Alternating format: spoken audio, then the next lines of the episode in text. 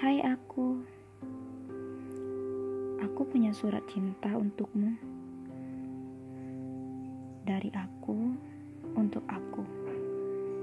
Teruntuk diriku yang sedang rapuh, tolong jangan berlama-lama dalam kerapuhan. Aku tahu kamu kuat dalam menghadapi kenyataan. Nanti, kamu juga akan sembuh seiring dengan berjalannya waktu. Semangat ya!